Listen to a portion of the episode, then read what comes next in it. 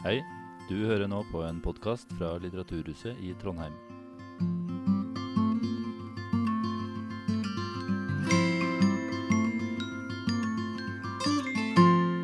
Hjertelig velkommen, eh, alle sammen. Eh, Mitt navn er Trond Aam, er daglig leder for Litteraturhuset i Trondheim. og har gleden av å ønske eh, velkommen til kveldens foredrag med Thomas Hylland Eriksen.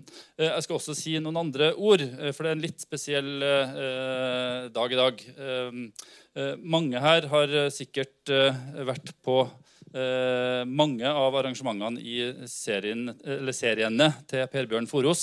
Eh, Thomas Hylland Eriksen kom jo ikke uten kontekst. Han kommer på bakgrunn av en invitasjon fra Per Bjørn Foros, som opererer på vegne av Litteraturhuset i Trondheim, til denne serien Grenser, som eh, Foros da har kuratert i noen år.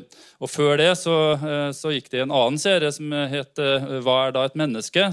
Og til sammen så har Per Bjørn Foros på helt frivillig basis drevet og kuratert program for Litteraturhuset i Trondheim i over fem år.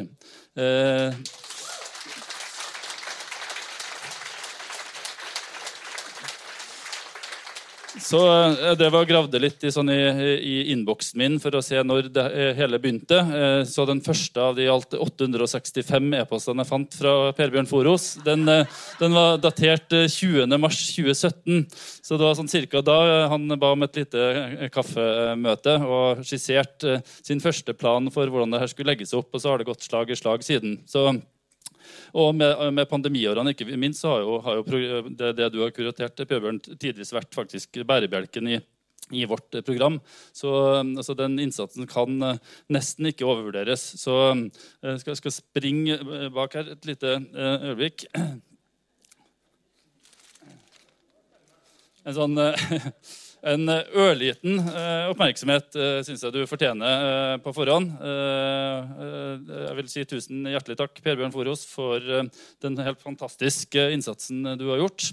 Eh, Du har vært enormt viktig. Eh, Og så er det jo du som har sagt at dette er det siste arrangement, så jeg må jo liksom ta deg på ordet. Men jeg må jo også innrømme at jeg håper at det kanskje eh, kommer liksom noen flere arrangement etter hvert. Det er du i hvert fall hjertelig velkommen til. Så jeg husker jo Et av mine favorittband i ungdomsfora, Jokka Valentinerne, de hadde jo mange avskjedskonserter. Så det må jo gå an å, gå an å legge opp et litt alternativt forløp her. Men uansett, tusen hjertelig takk. og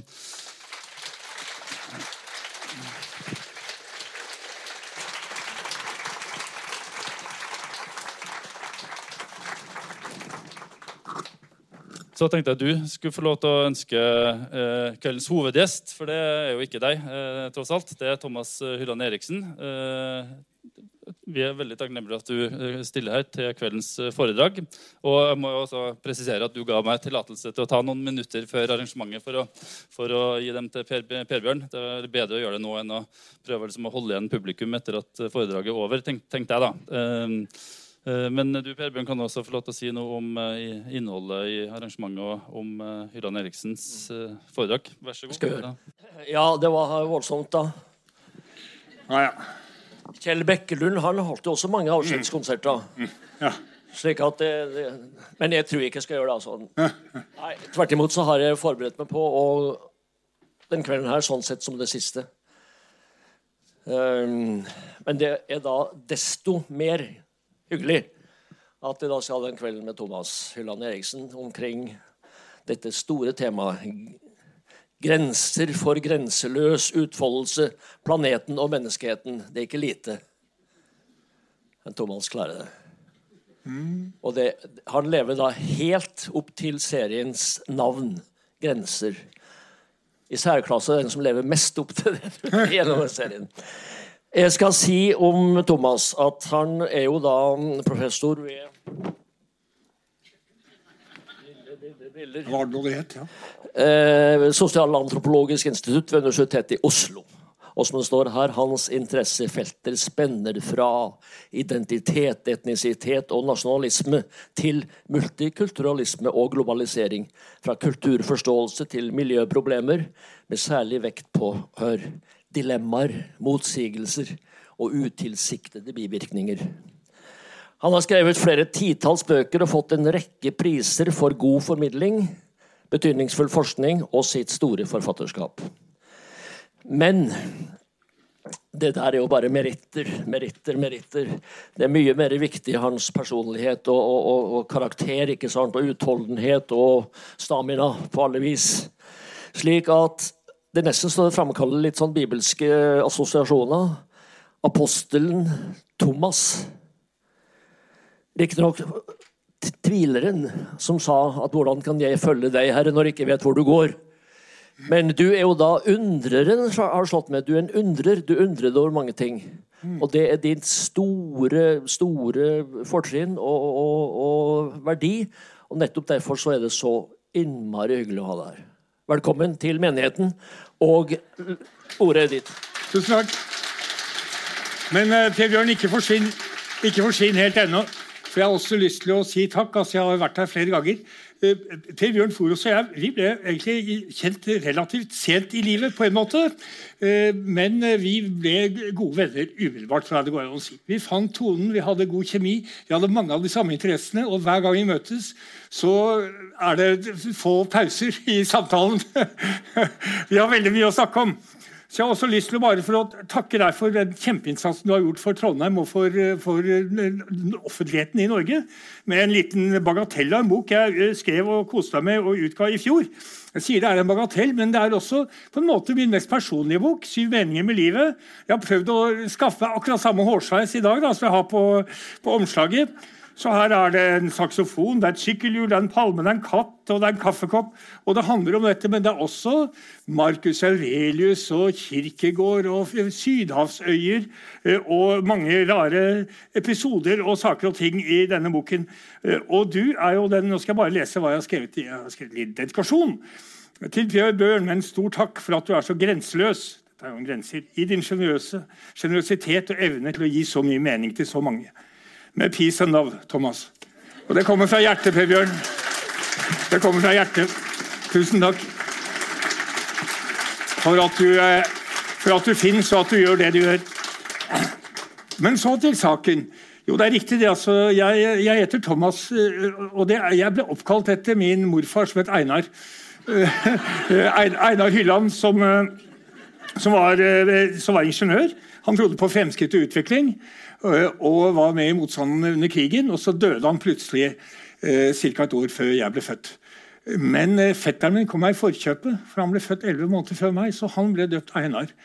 Så jeg ble døpt Thomas, og det var nemlig Einar, min morfars dekknavn under krigen, fordi han var en tviler. Så det er kanskje noen egenskaper som har gått i arv i Hylland-klanen. Uh, og uh, jeg vil bare, før, jeg begynner å snakke om grensene for grenseløs utfoldelse, minne oss om at uh, temaet er ikke nytt. Det er ikke så forferdelig mye nyere enn spørsmålet om livets meninger. Grekerne var bekymret over hybris, altså det at mennesker skulle tro at det var større enn Gud, større enn naturkreftene.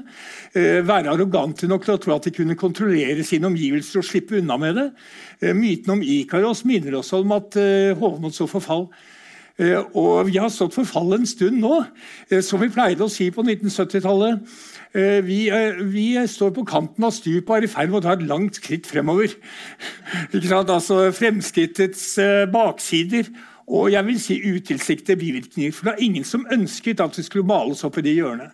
Det er ikke noen ond konspirasjon. Det er mange gode hensikter, men også mye grådighet. Og mye egoisme og korttenkthet som ligger til grunn for det. For min egen del så, så har jeg vært opptatt av grenser. Det har i grunnen vært et tema i alt jeg har drevet med.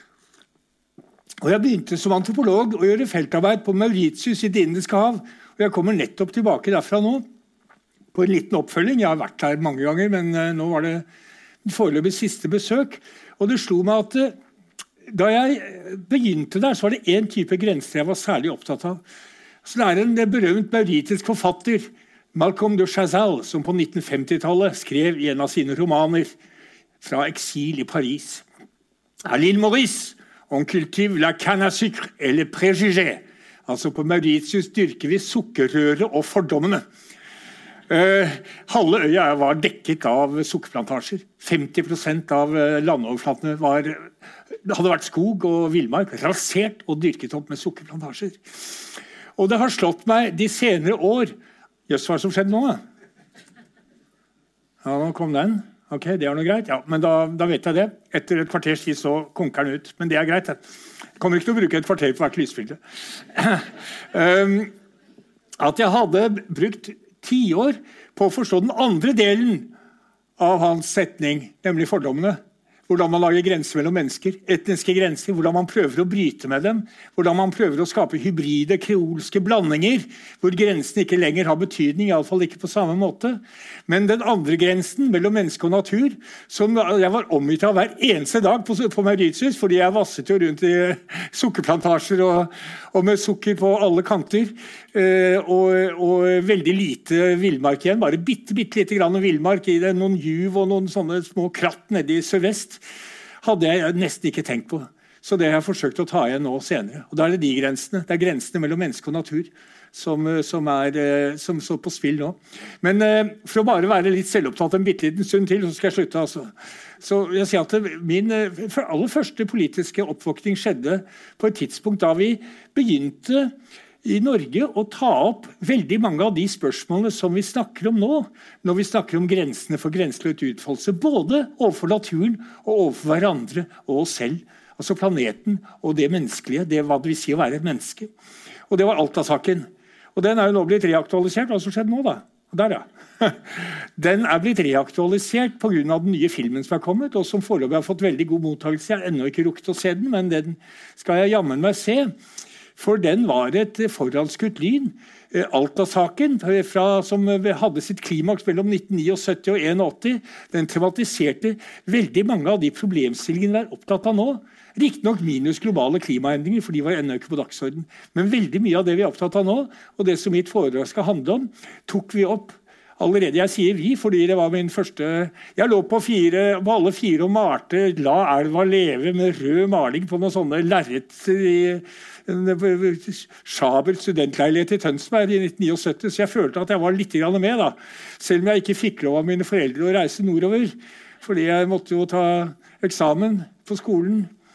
Så jeg var akkurat litt for ung, men det var, en, det, var viktig, det var, en, veldig viktig begivenhet. Og jeg er veldig glad for at vi ikke har glemt den, og at den nå kommer opp igjen. Fordi som jeg sier, De samme motsetningene, de samme konfliktene ser vi nå blusse opp for fullt. Og vi håper at vi er litt bedre forberedt denne gangen. Selv om Alta-saken var et, et nederlag fordi demningen ble bygget, var den også en seier.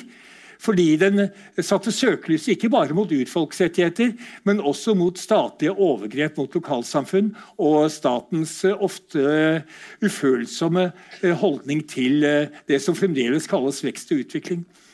Så jeg har et sitat her fra min kollega. Han skrev en Robert Payne, som dessverre ikke er blant oss lenger som skrev en veldig fin rapport eh, med tittelen 'Damn a river, damn a people'.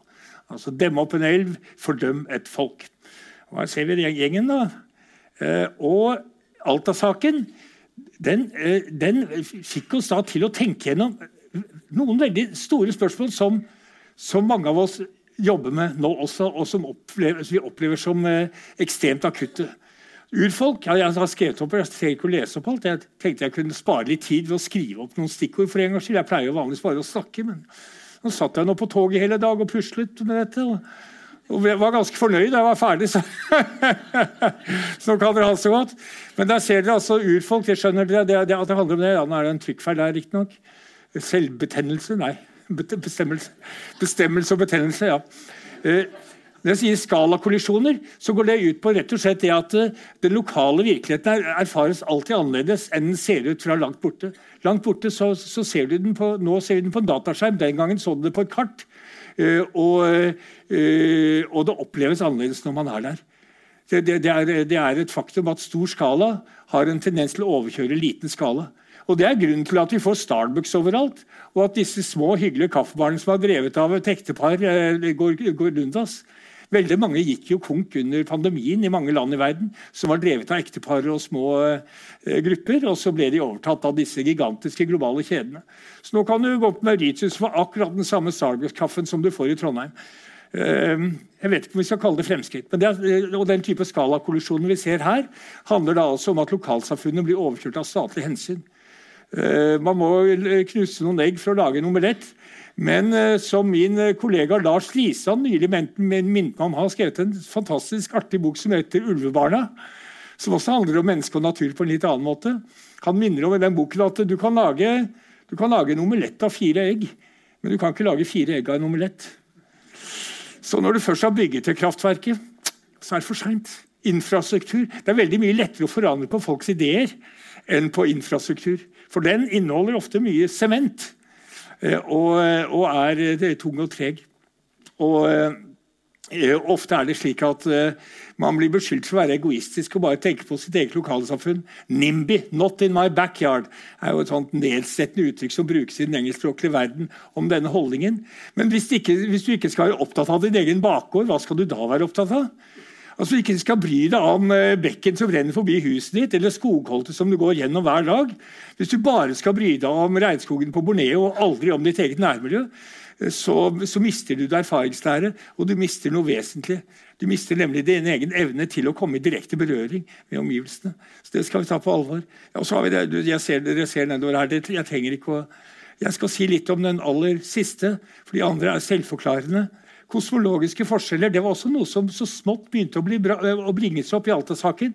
Det var ikke like viktig, for da var det urfolks rettigheter til land og vann som var sentralt, og selvbestemmelse.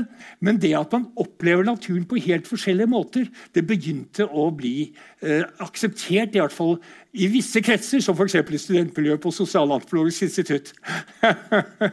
Hvor vi kanskje var litt mer mottagelige enn andre for alternative måter å oppleve naturen på. Men nå ser vi at det kommer inn Det kommer inn hos anerkjente filosofer som Arne Johan Vettelsen og andre at uh, kanskje den naturvitenskapelige måten å betrakte naturen på ikke er den mest hensiktsmessige hvis vi har lyst til å bevare kloden som et beboelig sted fremover. Og Når det gjelder kart, så har jeg lyst til å før jeg går videre, bare fortelle en bitte liten anekdote som jeg har fra min eh, kollega Marianne Lien, som har jobbet i Finnmark som antropolog i mange år. Like lenge som jeg har holdt på i Det indiske hav. Siden midten av 1980-tallet har hun holdt på i Finnmark med forskjellige ting. Og Hun hadde vært til stede på en rettssak som da handlet om jordrettigheter, og hvor, hvor reinsdyrene faktisk gikk, hvor deres migrasjonsrute var. Og Det handlet som vanlig om utbygging av infrastruktur. Det skulle gå en vei der. Og så er det snakk om at det skal komme en jernbane opp fra Finland eh, til Kirkenes. Og i hvilken grad det vil forstyrre. Og så kom, eh, kom da eh, advokatene ikke sant, og myndighetene med et kart, og så sa de til vitnet ja, kan du ikke bare vise på dette kartet Eh, hvor, eh, hvor, migrasjonen er. Og så rister han på hodet og har jeg aldri brukt kart. Men jeg kan ta dem ut. Jeg kan ta dere ut og vise dere uh, nøyaktig. Og da kan jeg fortelle nøyaktig hvor og når og hvordan reinen beveger seg. Men jeg må være der ute for å kunne gjøre det. Det hadde de selvfølgelig ikke tid til. Men der hadde du hans forhold til landskapet. Landskapet for ham var, det var sanselig. Det var han hadde akkumulert erfaringsbasert kunnskap gjennom mange år, som selvfølgelig lå langt utenpå den todimensjonale, forenklede kunnskapen du får på kart. Så, så her er det noe eh, som, som, jeg tror vi skal ta veldig på alvor i årene fremover. At vi kan oppleve naturen, vår plass i vår omvelt, vår omverden, på ganske forskjellige måter og at eh, kontrollmåten å oppleve den på kanskje ikke er den vi trenger enda mer av i årene fremover. Så Alta-saken virvlet opp alt dette. Eh, og det er over 40 år siden, og det er viktig at vi, at vi ikke glemmer det. Og så er det litt moro da, at det var noen av våre ledende, våre fremste og mest anerkjente intellektuelle og akademikere som dro opp dit og hadde det vondt. Det Bildet Arne Næss Mange vil vite at det er, det er egentlig litt juks å ha med det her. Så jeg må avsløre at eh, det bildet er tatt da han ble båret bort fra Mardøla-aksjonen noen år tidligere. Eh, og dere ser ansiktsuttrykket hans. Liksom, han snakker til disse politifolkene, og de sier Professor Næss, vi gjør bare vår plikt. Altså, de var jo så dannede. Og sa han, ja, ja, Sivil ulydighet er jo riktignok ikke lov, men av og til må rettferdigheten gå foran eh, lovens bokstav. Det må du da forstå. Du, du, du kan, jeg kan høre liksom, den aristokratiske stemmen hans forklare politifolkene hvorfor dette var nødvendig. Og Nils Kristi som kom på TV, og så ble han, så ble han spurt av TV-journalisten ja, men professor Kristi, det må da være fryktelig ekkelt å sitte der oppe i kulda. Ja, ja, men av og til bør man ha det litt ekkelt. så eh, de hadde liksom en stil som eh, gjorde at de fortsatte å kunne være professorale, selv om de drev med veldig radikale ting. Eh, så er, De var to av mine store forbilder i, i studietiden. Men nå går vi raskt videre til vårt århundre. For nå har det skjedd noe. Eh, vi har snakket eh, på 1800-tallet og store deler av 1900-tallet om arbeid og kapital. Eh, altså Folk som var opptatt av å få en bedre verden. Og det gjør vi fortsatt. Og vi er fortsatt opptatt av de store ulikhetene mellom nord og sør, som vi ikke minst nå ser i form av klimaendringer. Altså Tenk bare på flommen i Pakistan. En tredjedel av Pakistan under vann. Hva er det de har gjort for å avstedkomme dette? Ingenting. Jo da, det blir av og til flom, men ikke i det omfanget. Jeg kommer nettopp fra Mauritius, hvor vi hadde en dag med 250 mm regn. De har aldri opplevd å ligne før. Det var unntakstilstand. Alt var stengt. Hagen vår ble omgjort til en innsjø. Eh, det var ikke så mange som døde fordi folk holdt seg innendørs. Det er et relativt utviklet land, som det kalles. Men det henger sammen med eh, at det skjer ting i klimaet. Så for all del, fremdeles eh, er arbeid og kapital og nord-sør grunnleggende motsetninger. Jeg vil likevel påstå at hvis jeg skulle peke på én motsetning som er paraplyen over det hele i det 21. århundre, så er det den som er knyttet til antropocen. At mennesket nå forandrer kloden hinsides gjenkjennelse, og at vi eh, totalt har glemt den gamle greske lærdommen om hybris. Vekstkapitalisme og økologisk bæreevne. Og nå skal jeg lese opp den påstanden som står i kursiv der. Fordi eh, det er en litt sånn krøkkete setting, på en måte. Ja, ikke så veldig krøkkete, men litt. Altså, hvis vi tenker Jo, jeg skal, jeg skal, jeg skal elaborere det litt. Um, den danske forskeren og tenkeren Jesper Hoffmeier, som døde bare for noen få år siden, var en av grunnleggerne av biosemiotikken. Og Biosemiotikk er en måte å lese naturen på. Og all kommunikasjon egentlig mellom mennesker også, og mellom alle arter som utveksling av tegn. Altså Reven og haren utveksler tegn når reven jager haren. Haren og gresset utveksler tegn når haren gresser Det er ikke så innmari mange. Trærne utveksler masse tegn, og det vet vi mer og mer om nå. De tenker ikke over at de skal gjøre det, men de gjør det.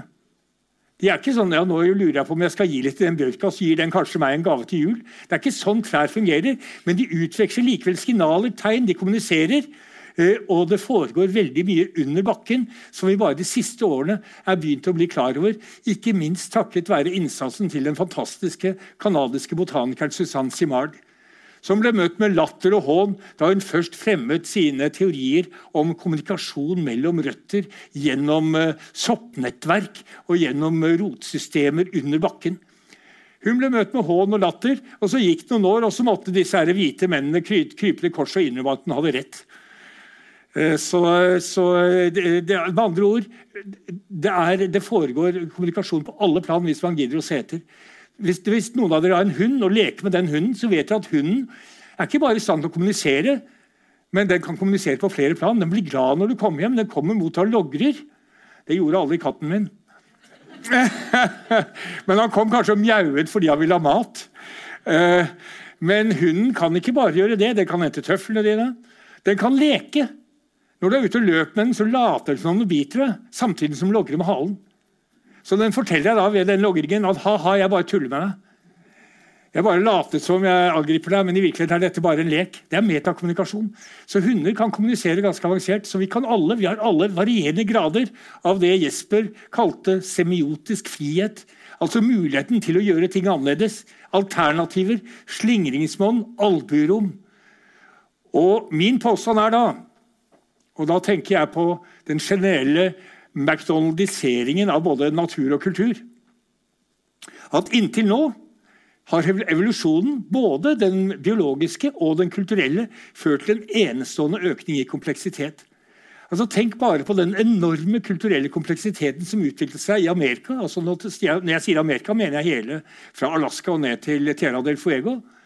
Bare på 12 000-13 000 år siden de første innbyggerne ankom den enorme kulturelle kompleksiteten. Fra små familiebaserte urfolk i Amazonas til store stater i eh, det som nå er Mexico og Guatemala, og til eh, store, mektige maisdyrkende jordbrukssamfunn eh, i Arizona og New Mexico. Altså En enorm spredning av kultur og språk ubeslektet med hverandre. Sant? Gjensidig ubegripelig. All, all denne eksplosjonen av kulturell kreativitet fant sted bare på noen få tusen år. Bare som et bilde på det, det mangfoldet mennesket er i stand til å skape hvis vi får eh, de riktige mulighetene til det. Og Vi kan si det samme når det gjelder evolusjonen i naturen, men det har selvfølgelig tatt mye mye lengre tid. Altså Evolusjonen i naturen går mye langsommere. I menneskehetens tilfelle snakker vi om et par hundre tusen år totalt, siden vi var anatomisk moderne i Afrika. Mens eh, med evolusjonen så snakker vi om mange millioner. Hvis vi begynner med 66 millioner år siden, altså den siste store masseutryddelsen, den enestående vekst i kompleksitet. Det er stadig flere tegn, stadig mer semiotisk dybde, flere nyanser, flere måter å kommunisere på, flere nisjer som blir okkupert av nye arter, flere arter som finner nye nisjer som de tidligere ikke har besatt, osv. Og dette har skjedd. Fleksibilitet og semiotisk frihet, både økonomisk og kulturelt. Og ja, økologisk, mente jeg da. Der ser dere jeg satt på toget og var litt trøtt. Semiotisk frihet både økologisk og kulturelt. Denne tendensen er nå blitt reversert. Det blir mindre frihet, færre muligheter, færre alternativer. Det er det jeg skal komme frem til nå i kveld. Men hvis dere har lyst, og det er tid etter diskusjonen, så har jeg et ekstranummer med noen litt mer oppløftende historier. Som er rykende ferske fra mitt nye, mitt nye felt, mine nye korte feltopphold på et par steder i Det indiske hav. Uh, disse diagrammene kjenner dere. ikke sant? Altså, hvilke, hvilke, grenser eh, kan vi operere med med hensyn til naturen, og hvilke er det som er truet, og hvilke er ikke truet?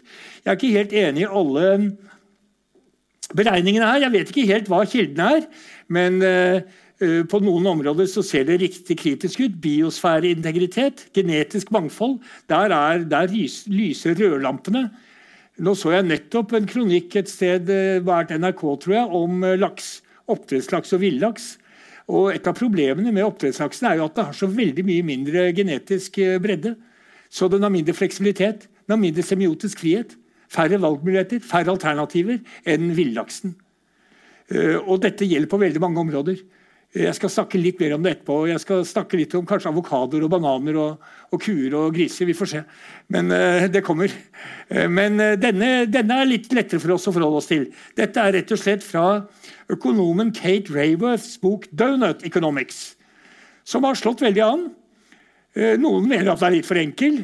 Noen liksom, rynker litt på nesa av den. Jeg liker den fordi den har et tydelig budskap, og det er på en måte sammenfattet i dette diagrammet. Vi skal være innenfor det grønne, vi skal være i liksom kjøttet på, på, smultringen. Ikke innenfor, for der er det bare tomrom. Og ikke utenfor, for da blir slynget ut i, i, det ukjente vakuum.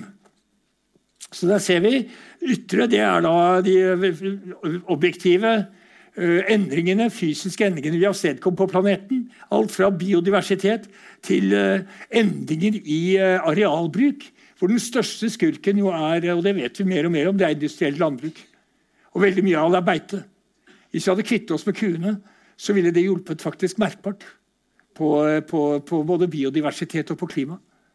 Vi liker ikke å snakke om det, for vi er så glad i å spise døde kuer.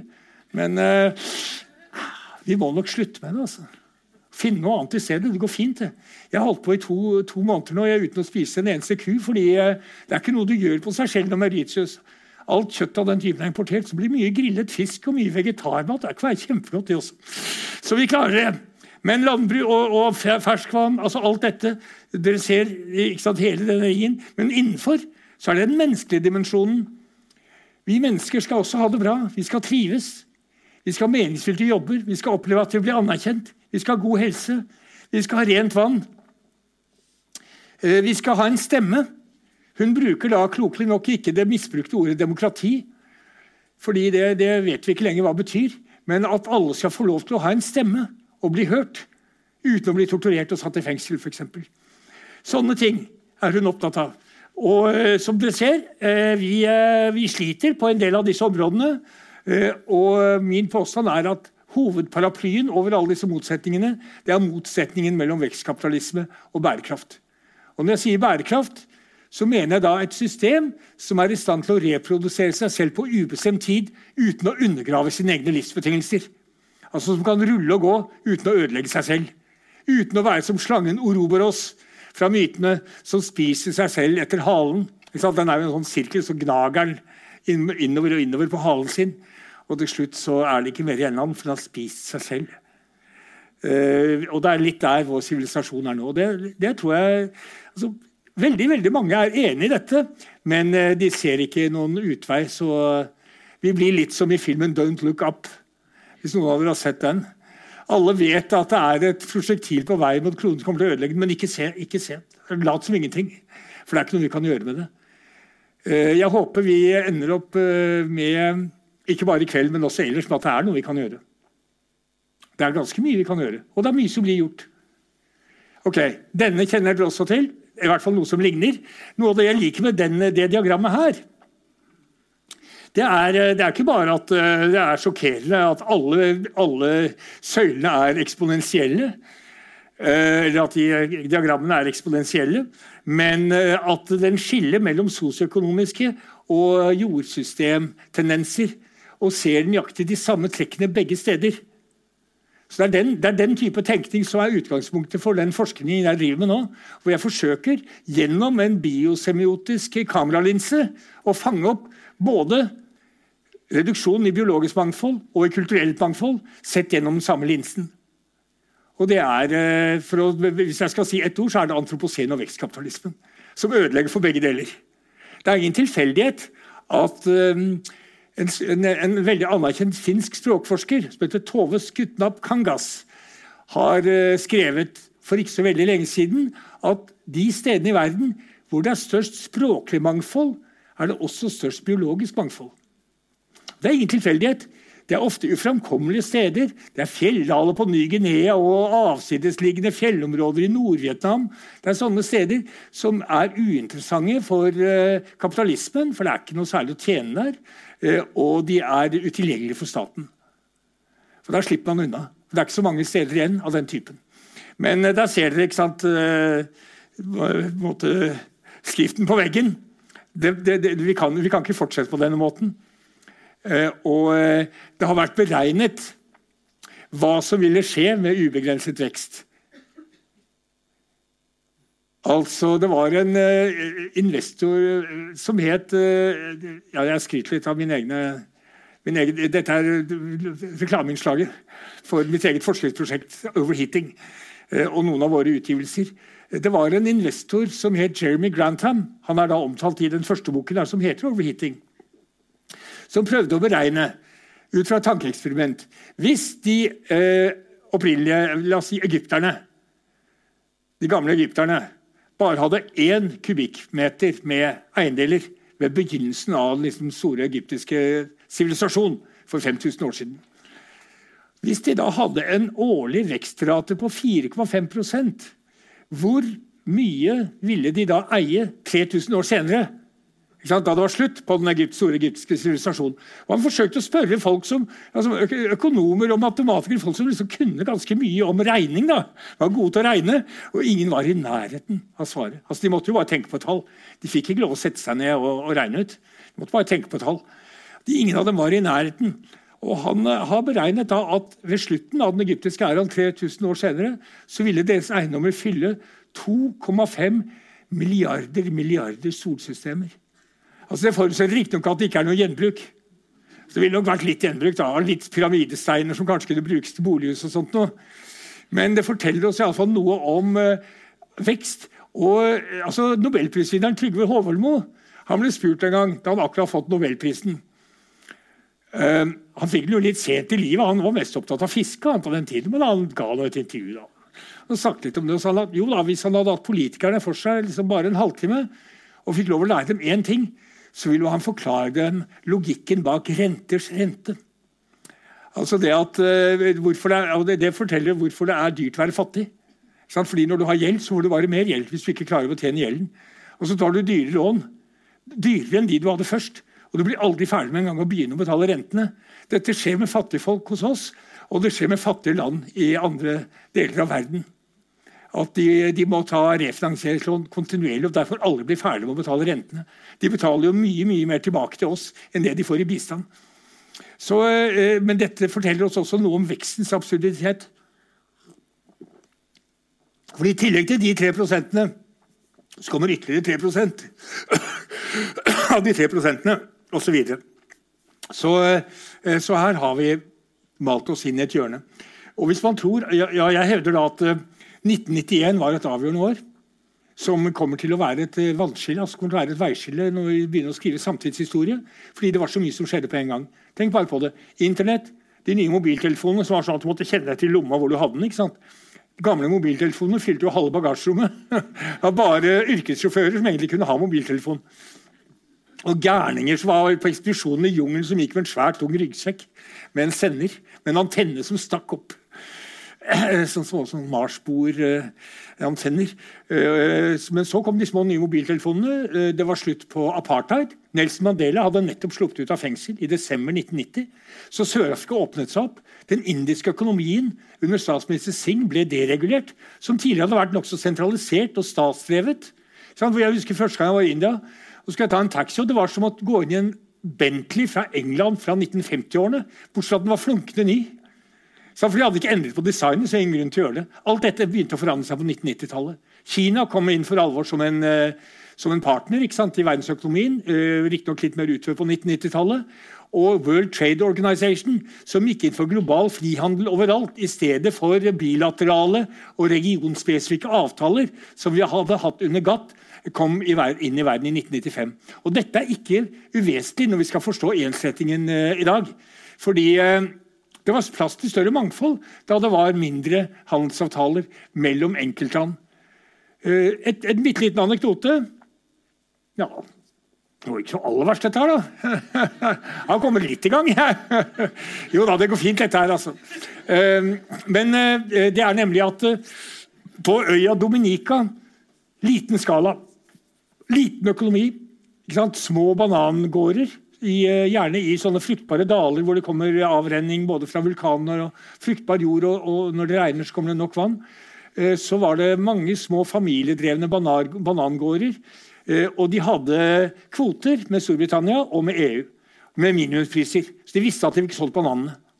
De hadde liksom fast avtale, og de fikk dem inn i Sainsbury's i England. og sånn. Men så kom, så kom WTO og sa nei, her skal vi ha rettferdighet, så alle skal konkurrere likt. Og Det betydde da at de skulle konkurrere rettferdig, altså akkurat som det eh, islandske fotballandslaget skal konkurrere rettferdig liksom med det brasilianske. Eh, det, skulle, ja, det er et dårlig eksempel, for Island var jo faktisk ganske gode i fotball en periode. Men eh, Færøyene, da Eller Norge, unnskyld. Eh, men det, det blir, det blir altså, er, det, er, det, er, rettferdig at en liten familiedrevet bananplantasje på Dominica skal konkurrere på lik linje med en industriell, maskindrevet, kunstgjødselgjødslet, containerskip forsynt bananplantasje i Costa Rica?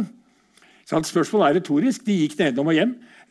Og de måtte jo da, hadde jo ikke noe annet valg enn å begynne å leie ut rom til turister og selge cannabis.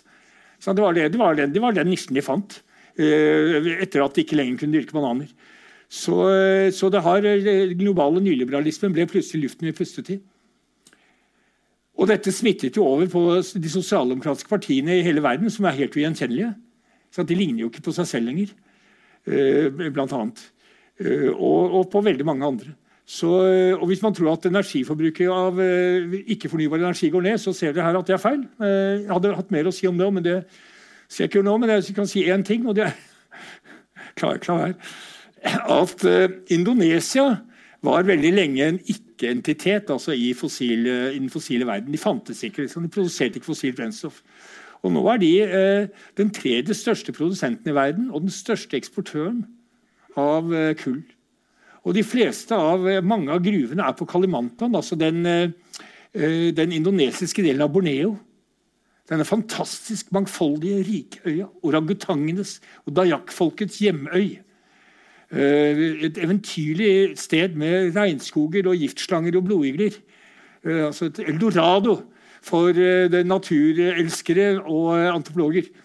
Og nå er det palmeoljeplantasjer. Eh, det er ulovlig trehugging. Det er jo mye korrupsjon i sånt land. Så det er masse firmaer både Lyster og andre som kommer og forsyner seg med teak og mahogni, som det fortsatt er litt igjen av. Eh, Palmeoljeaplantasjer, og så er det kullgruver. Tenk bare på hva dette gjør, ikke bare med naturen, men også med folkene som bor der. Det er, eh, det er, en, det er en, tragedie som vi vet altfor lite om, som vi hører altfor lite om. Og dette skjer også veldig mange andre steder, men bare som et eksempel på at uh, utviklingen fortsetter. Global sementproduksjon er også et av de morsomme. Det kommer til å være et lite kapittel i boken min, jeg skal ikke snakke så mye om det nå, men det er også et bilde. da. Fordi sementen den er ikke fleksibel. Hvorfor ble det så mye flom på Mauritius den dagen? Det er flere grunner til det. En ting var at det kom mye mer regn enn vanlig, men en annen grunn er at eh, det var ikke så mange steder for vann å gå. mange steder. Fordi det var parkeringsplasser og motorveier og kjøpesentre og nye boligområder. og Alt lå i, under, var i sement. Alt var støpt i sement. Og Se bare på dette her. Bare på 30 år så er sementproduksjonen i verden over firedoblet. I samme periode, ja faktisk i en kortere periode, er antall flybilletter solgt i verden over doblet. Det var to milliarder flybilletter som ble solgt i 2004. I 2019 var det 4,5 milliard. Og ikke bare skyld på kineserne. Vi har en del av skylda, vi også. Som setter oss på Norwegian, flyr til Malaga og hva det nå er vi gjør. Så eh, det er, det er dramatisk. Eh, dramatiske endringer. Eh, ja. Globaliseringen fører til sårbarhet. Trusler mot mangfold. Men nå hopper jeg videre, fordi jeg skal ikke bruke hele kvelden på den innledningen. Jeg hopper videre. Eh, men jeg vil da si det sånn at eh, det er en forhistorie her som begynte med den colombianske utveksling. Columbus 1492, også et viktig år i verdenshistorien. Det var ikke bare det året de kristne kastet ut jødene og muslimene fra Spania, men det var også det året en europeer i nyere tid, etter vikingene, eh, satte sine føtter på noe han trodde var India, til sin død. Han ga seg aldri.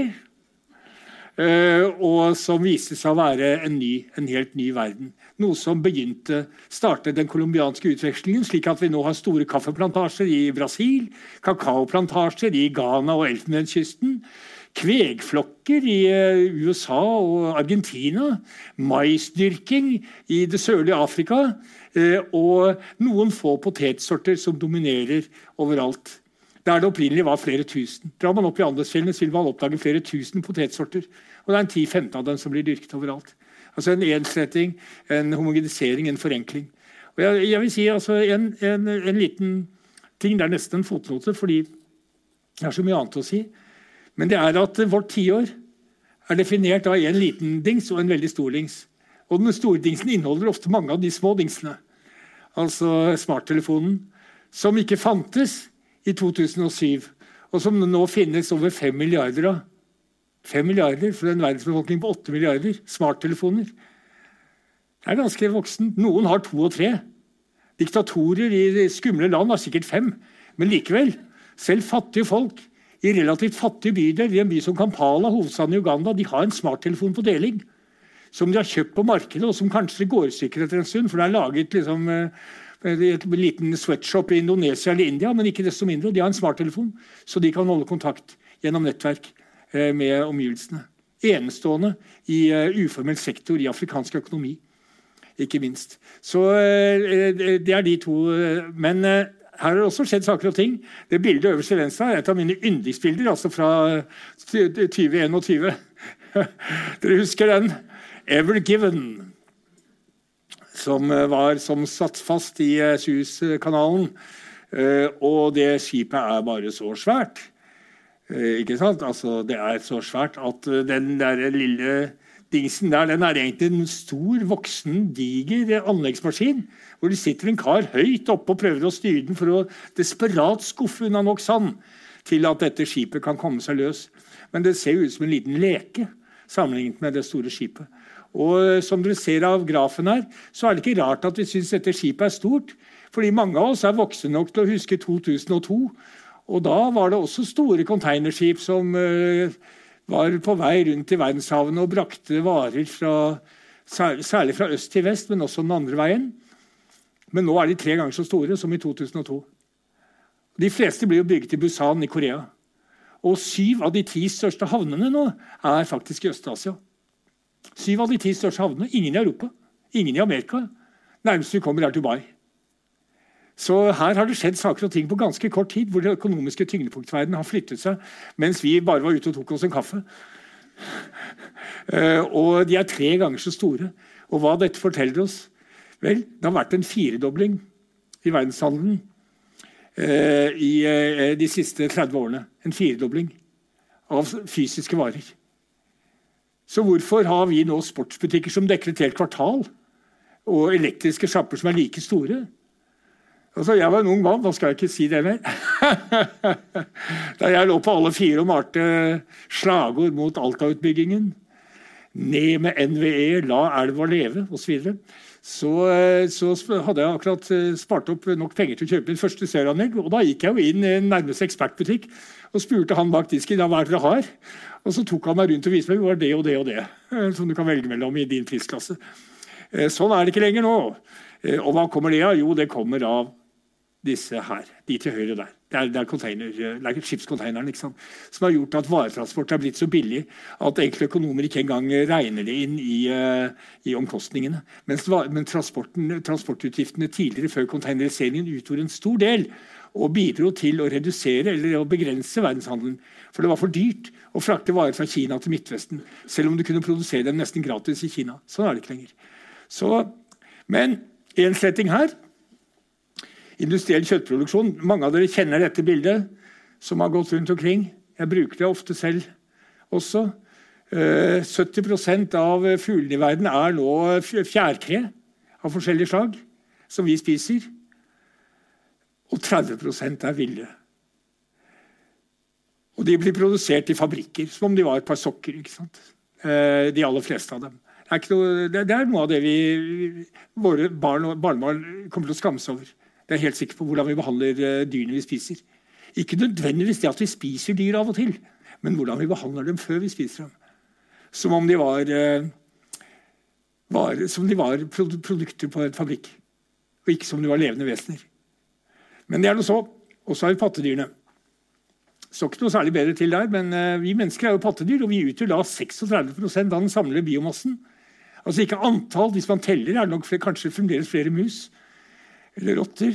Men i, antall, i mengden biomasse 36% 60% er våre dyr, husdyr. Stort sett eh, svin og kveg. Og litt sauer og litt sånt, men det er svin og kveg som er hovedmengden. Eh, og eh, 4% er ville. Og siden, som det står her, altså siden 1960, eh, 1970 har vi altså tatt knekken på 68% av alle virveldyr. Direkte og indirekte. Altså, mange av De fleste av dem har vi jo ikke drept. Vi har bare gjort det umulig for dem å leve fordi vi har eh, plassert sement og boligområder og, og beitemarker og, og, og sprøytede eh, åkre osv. der hvor disse dyrene tidligere holdt til. Og Det er jo også en ironisk ting at fordi det er færre dyr, så får de også nærmere kontakt med oss. Jeg husker En del av feltarbeidet i Australia da var jeg i sånn eh, caravan park. altså Et sted hvor folk med dårlig råd bor. De bor i sånne mobile homes sånne litt store campingvogner. Og Jeg var der og besøkte en dame. Hun satt i kassa på Kmart og tjente ikke godt nok til å kjøpe en leilighet, men hun kunne bo i en sånn uh, caravan park. Hun sa at de siste årene så har det vært flere og flere angrep. Flere og flere giftslanger, uh, kenguruer, uh, forskjellige reptiler, varaner osv. som kom inn på området deres. Og Det skyldtes jo at de ikke hadde noen andre steder å gå.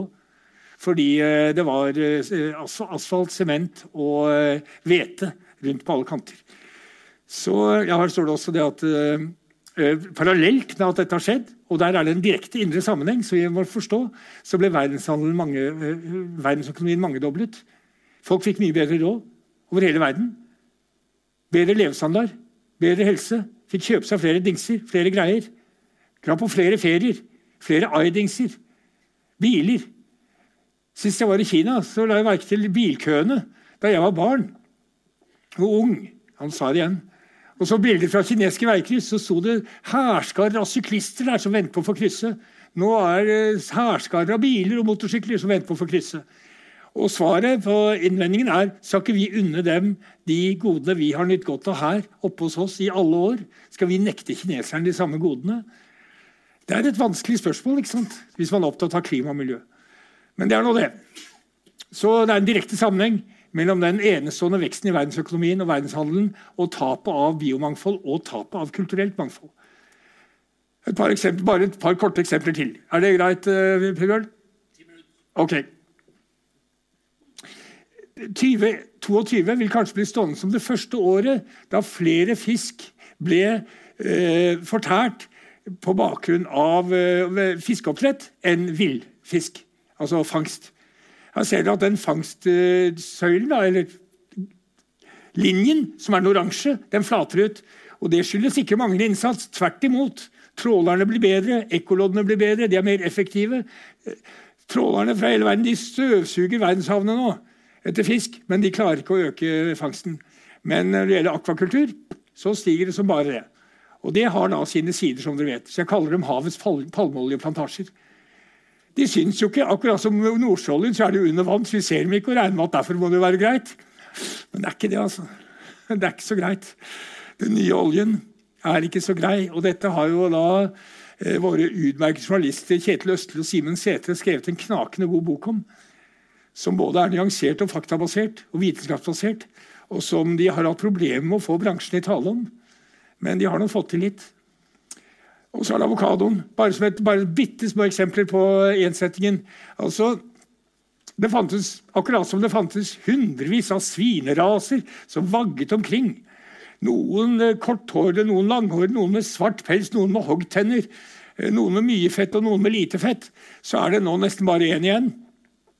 Og det er large white, den som vi på norsk kaller stor eh, engelsk.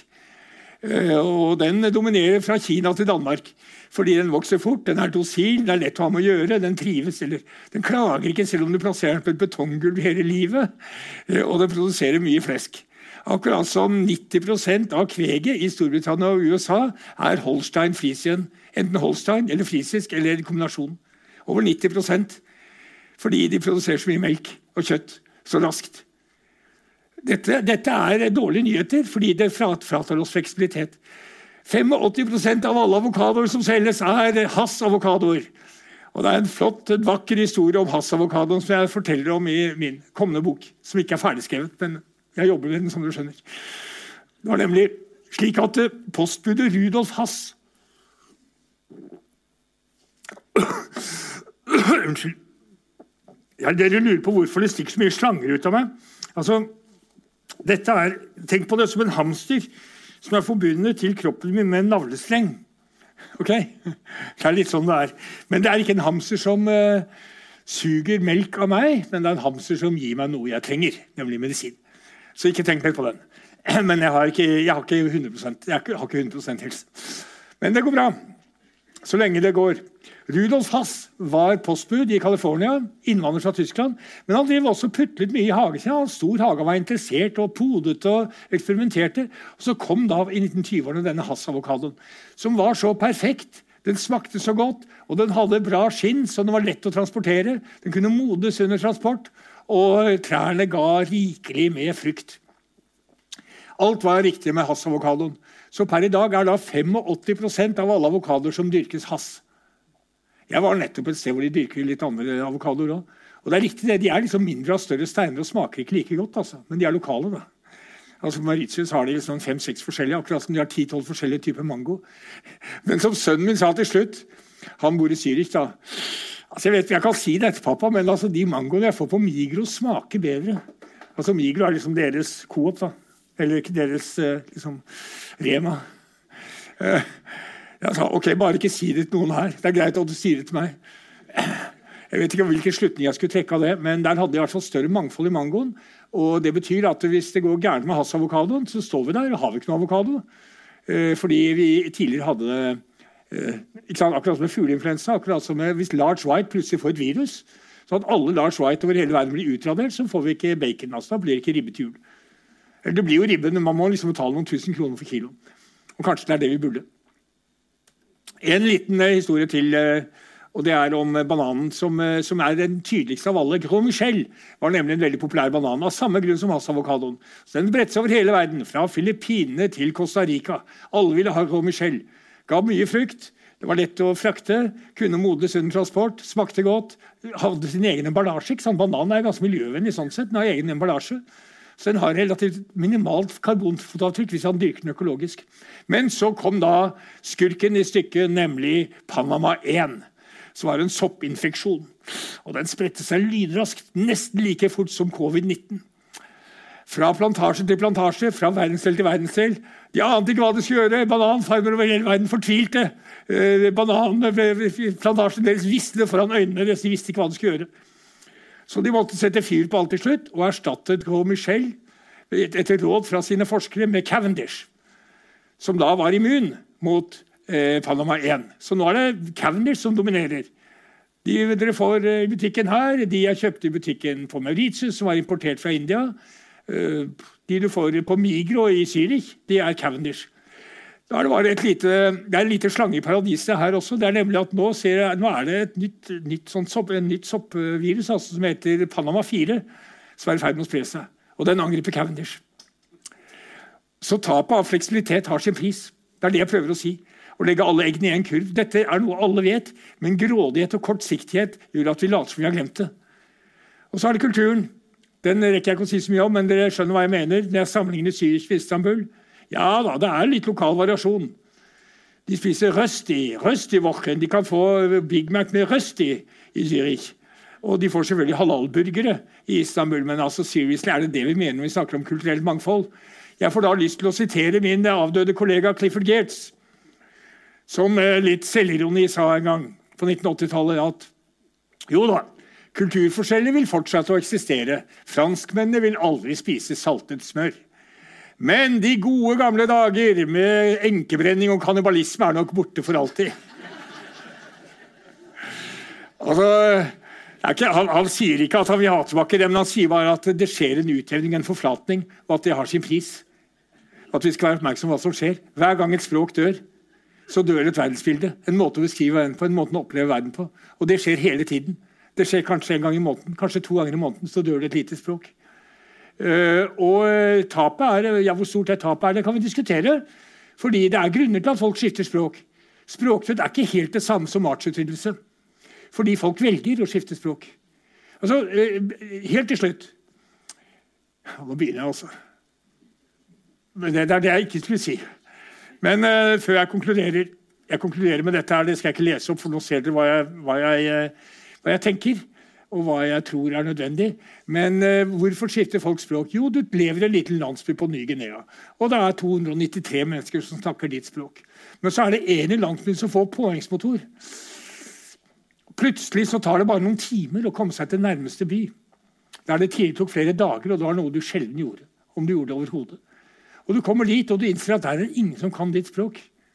Men de snakker tokpisin, som er nasjonalspråket på Ny-Guinea som er en kriolisert versjon av engelsk.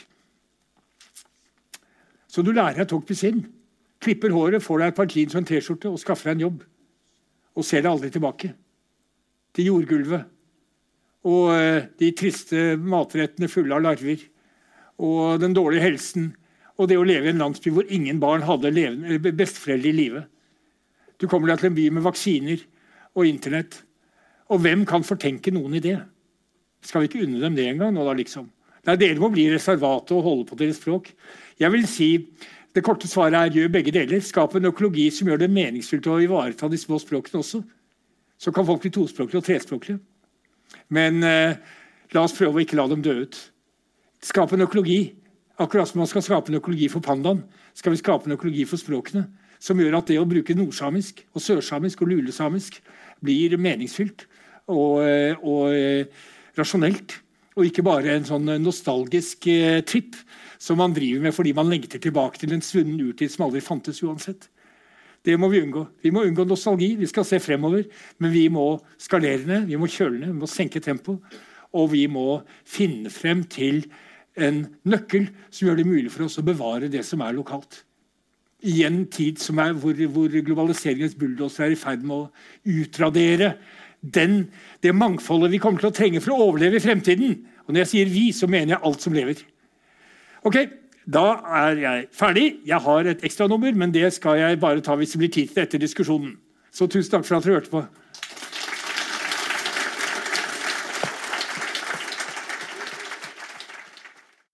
Det høres ut som en slags uh avslutning her nå snart. Men, men du skal ha ekstranummeret? Ekstra ja, litt, litt, grann. Bare bitte lite grann. Får jeg lov til fem minutter? Ja, ja absolutt. Ja. Iallfall for meg. Ja, er ikke det greit, da? Ja, bare et par, eh, et par lyspunkter. Uh, veldig veldig kort, Det er den, det er den forskningen jeg driver med nå. så Dette er rykende ferskt. altså Det er bilder som er tatt liksom i desember og januar. Jeg kom hjem fra Mauritius for temmelig nøyaktig en uke siden. Dette er Seychellene. En øygruppe. Noen granittøyer, noen uh, koralløyer. Det er bare litt under 100 000 innbyggere totalt, så det er et veldig lite sted. Litt større enn Færøyene. Jeg pleier alltid å sammenligne med Færøyene jeg er der, for jeg syns de bør få en sånn komparativ horisont. ikke sant? Hva er det man kan få til? Færøyene og Island. Eh, og de fleste bor på den litt store øya der som heter Mahé. Og det er der jeg holder til når jeg er der og jobber. Og De har da et prosjekt som heter Den kreolske hagen, hvor de forsøker å gjenopplive både biomangfoldkunnskap om hvordan man dyrker, hva som går sammen, hvilke planter som kan brukes til urtemedisiner, hvilke som er gode å krydre en karrigryte med, eh, hvilke du kan eh, koke sammen med søtpoteter og få en god stuing mye kunnskap som har gått tapt etter at folk begynte å kjøpe mat i supermarkedene. Noe de har gjort på Seychellene, hvor folk har veldig god råd til å være liksom, innenfor afrikanske, det afrikanske kulturområdet. De har råd til å gå på, i butikken. Og Det meste du får i butikken, er importert. Altså selv mangoene kommer fra Tanzania. Man kan utmerket godt dyrke mangoer på Seychellene, men det, det, det, koster så mye, for det er så liten skala. Så når det er frihandel, så lønner det seg bedre å få dem fra Tanzania. Og det er høl i huet. ikke sant? å bo et sted hvor du kan dyrke hva som helst. Det kommer nok regn, og det er et deilig klima.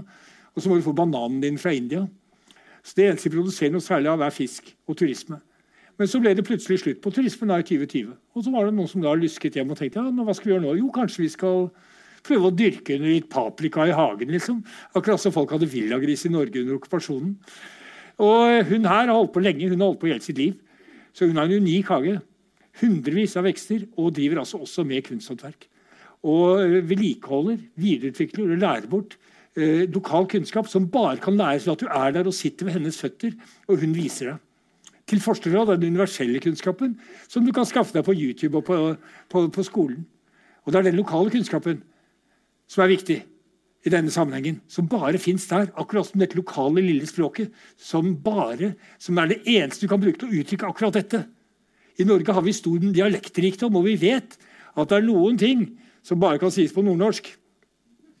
Hvis du sier det på en annen dialekt, blir det oppskjønt. Og noen former for poesi går det an å si det, som egner seg best på nynorsk. Jeg syns, jeg syns det. Jeg syns Olav H. Hauge Du kan oversette Riksvoll, blir ikke det samme. altså. Eh, Jon Fosse på bokmål? Nei, ikke egentlig. Ikke Så vi, vi, vet at de nyansene fins, og at de gjør det berikende. Apropos både i stedet for enten. Herregud, hvorfor må du velge? Så hun har dette her sant, som sin eh, Og så et bitte lite eksempel. Ja, nå hadde jeg egentlig film, men jeg skal ikke vise noe. for ja, gjør ikke det. Så veldig raskt eh, lite glimt fra Mauritius. er mye større. 1,2 millioner innbyggere. Der har jeg også holdt på mye lenger. Jeg har reist siden midten av 1980-tallet. Byene er de grå på midten der og innover mot Pålvi.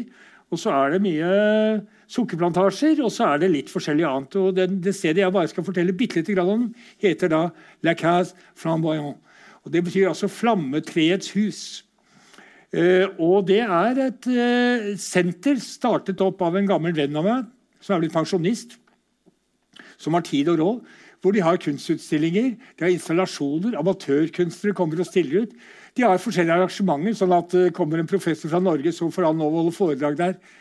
Eh, og, og, og snakke litt med, med mennesker etterpå. Og de dyrker alle mulige typer planter. Og de sår, og de holder på. Her ser dere et lite glimt ikke sant, fra her har vi veksthuset. da. Trenger ikke egentlig veksthus, men de trenger for å beskytte mot solen. Så de kan trekke ned noen gardiner.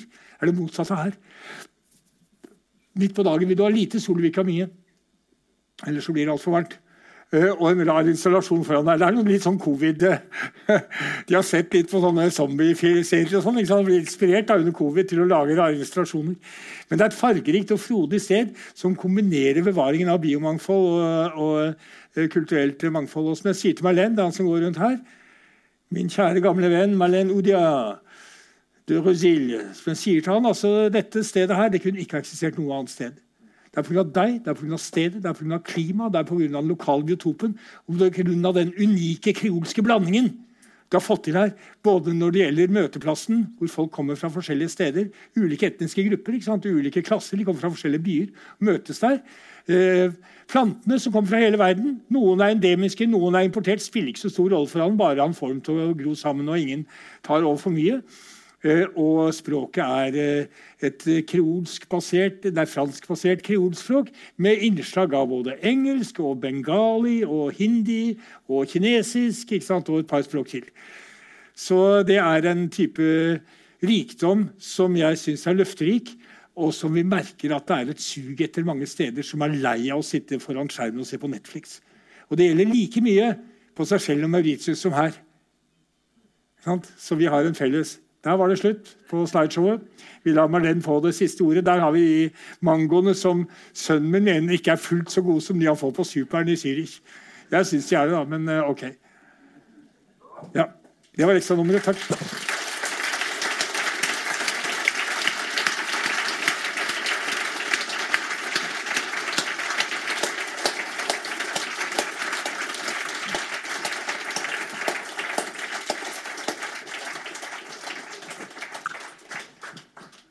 Da, da, får det bli Olav og Hauge da til slutt.